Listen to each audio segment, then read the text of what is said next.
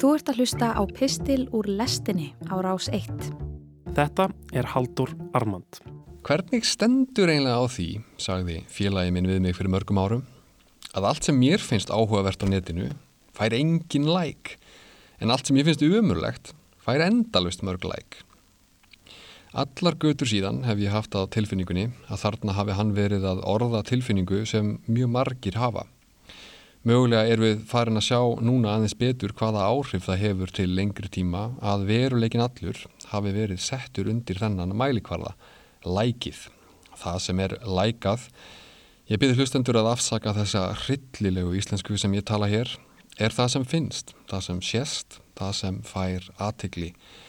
Það efni sem uppsker læk hangir lengur uppi á yfirborði samfélagsumræðunar og fær þannig aukna möguleika á því að fá ennþá fleiri læk og deilingar sem aftur veldu því að það helst ennþá og margfalt lengur sínilegt upp á yfirborðinu og svo framvegis. Annað sem ekki uppsker læk, allt þetta efni sem vinur minn fílar, hverfur undir eins ofan í niðurfall tíðarandans. Spurningin er þá, og að mínum að þetta mjög þýðingar mikil spurning, hvað þessi takki þýðir hvað hann raunverulega er mælikvarði á. Og svo hins vegar hvers konar mælikvarða myndum við sjálf kjósa. Þar að segja ef við gefum okkur að hvert og eitt okkar siti meira og minna fyrir framann tölvu eða límt upp við símaskjá heilu og hálfu dagana, hvaða mælikvarði myndum við vilja að réði því hvað er borið á borð til okkar ef svo má að orði komast.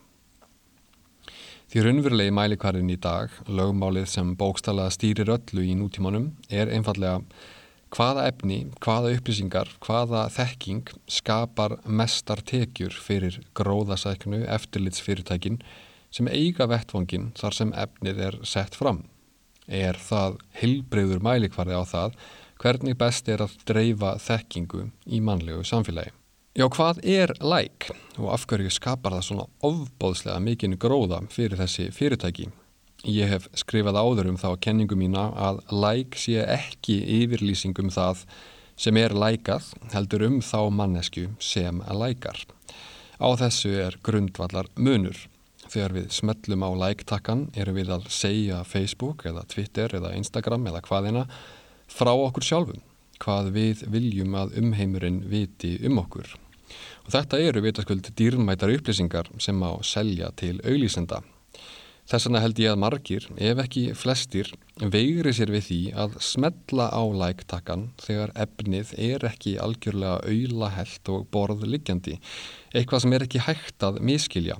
Jafnvel þóttum líki mjög vel við þetta tiltekna efni, beri jafnvel virðingu fyrir því og telji það auðga lífsitt hver kannast ekki við að sjá eitthvað á netinu og hugsa þetta er sannleikur. En íta svo ekki á læktakkan vegna þess að já, það er bara ekki alveg örugt allt það sem er margrætt, listrænt eða áleitið það þrýfst ekki vel í þessu umhverfi. Þess vegna geld ég varhug við þeirri viðteknu skoðun að vinsældir séu dreifkraftur aðtiklis hagkerfisins á netinu Það er að segja að svo þekking og efni sem fær flesta smelli og deilingar og læk sé sínilegast og fái mesta aðtikli einfallega vegna þess að það sé vinsælast hverju sinni og það sé því eðlilegt að gera því hátt undir höfði.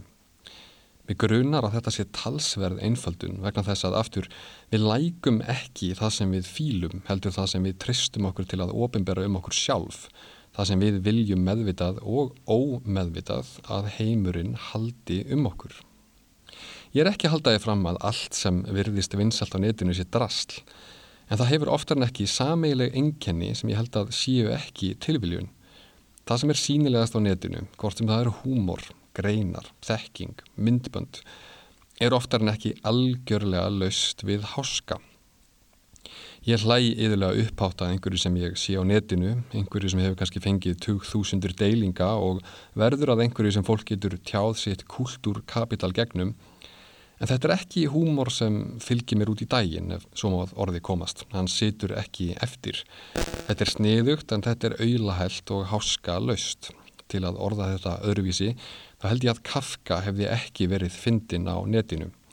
Húmor þar sem þú hlærið án þess að vita af hverju, húmor sem byggist ekki á því að þú fattir neitt sérstakt, Húmor þar sem þú heldur að mögulega ættir þú að vera að gráta verður aldrei vinsæl á netinu. Af hverju? Vegna þess að hann inniheldur háska. Hann er margræður, listræð og áleitin. Það er ekki víst hvaða merkir ef þú gefur honum like. Það kann að verðast hjákáttlegt að velta fyrir sér jafn ómerkilegu og lítil fjörlugu fyrirbæri og læktakanum og hreyfi lögumálum hans. En það vil svo til að hann stýrir því meira og minna hvernig þekkingu er drift í dag og það eru upplýsingar sem hann býr til eru hér um bil fjárrakslega ómetanlegar fyrir örfá fyrirtæki sem í dag eru líklega voldugustu öflin á jörðinni. Eru ekki flestir sammála um það að það sé gott fyrir samfélagmanna að þekking lúti einhvers konar gæða mælikverða eða að minnstakosti að það sé hægt að nálgast þekkingu út frá einhvers konar gæðum. Það er ekki í bóði í dag. Á netinu ægir allri þekkingu saman í einn fullkomlega óskiljanlegan graut sem engin mannlegur máttur getur náð utanum og það sem brýst síðan upp á yfirborðið í pottinum hverju sinni er háð einhverjum mjög svo gruggugum og að ég tel óáreiðanlegum mælikvarða á vinsældir sem er þá ekki hannaður til þess að vera raunverulegur mælikvarði á vinsældir heldur þvert á móti til þess að búa til söluvöru úr persónu upplýsingum fólksins sem beitur honum. Áhrifin af þessu eru svo algjörlega stórbrotin í raunir þau svo viðtæk að það er engin leið til þess að lýsa þeim í svona stuttumáli. Skýrustu dæmin eru auðvitað fyrirbæri eins og Donald Trump sem er einhvers konar nöðsynleg og rögleg afleiðing lægtakkans. Maðurinn er augljóslega einhvers konar heilagt fíbl, snillingur af óræðum toga, ekki sem pólitíkus heldur sem gjörningalistamadur. Alveg eins og Kafka væri ekki fyndin á netinu, þá væri Trump ekki volduasti maður í heimi á neinum öðrum tíma en nú. Og hann er svo sannarlega ekki hættur. Ég gerðist áskrifendi að New York Times í byrjun árs en hætti því í síðustu viku vegna þess að ég hreinlega gat ekki meira af þessari Trump þráhyggju. Þetta flottasta dagblad heims hefur, þegar að botnin er kvólt, ekkert betra fram að færa en sína koffínlausu status quo politík og hysteríu.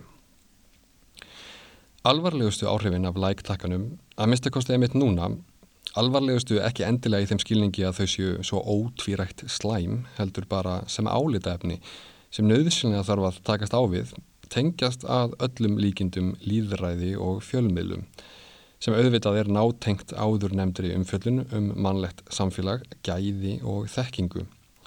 Í dag eru hefðbunir fjölmiðlar tilneittir til þess að lúta þessum hreyfilögmálum sem ég nefndi áðan og framleiða án afláts efni sem skapar smelli vegna þess að það höfðar til lækstu kvata en enginn hefur samt raunverulegan áhuga á á meðan soga eftirlitsfyrirtækin á netinu til sín allan auðlýsingagróðan.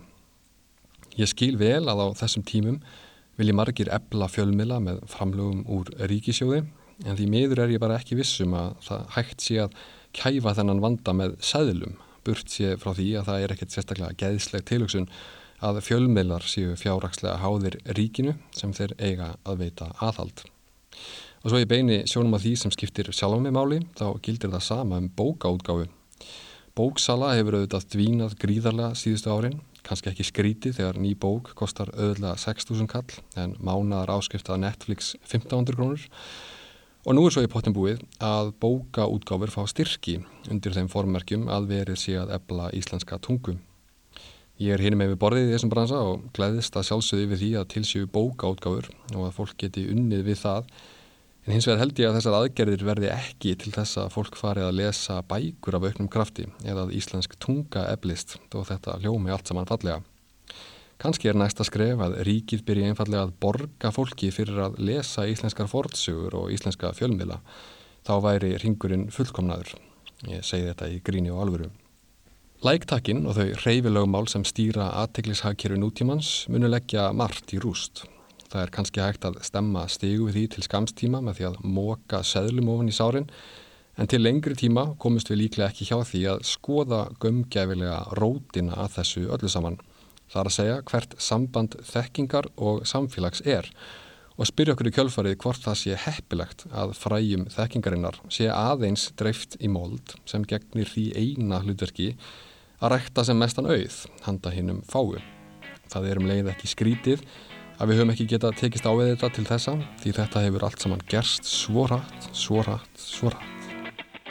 I'm not saying it was your fault, although you could have done more. Oh, you're so naive, yes, so. Þú varst að hlusta á Haldur Armand, nýr pistill frá Halduri, hljómar á hverjum þriðu degim í lestinni á rás 1. Ef þú fílaðir þennan pistil og vilt heyra meira, getur gerst áskrifandi að lestinni hér í hlaðvarpsappinu þínu. 1 fyrir forveitna.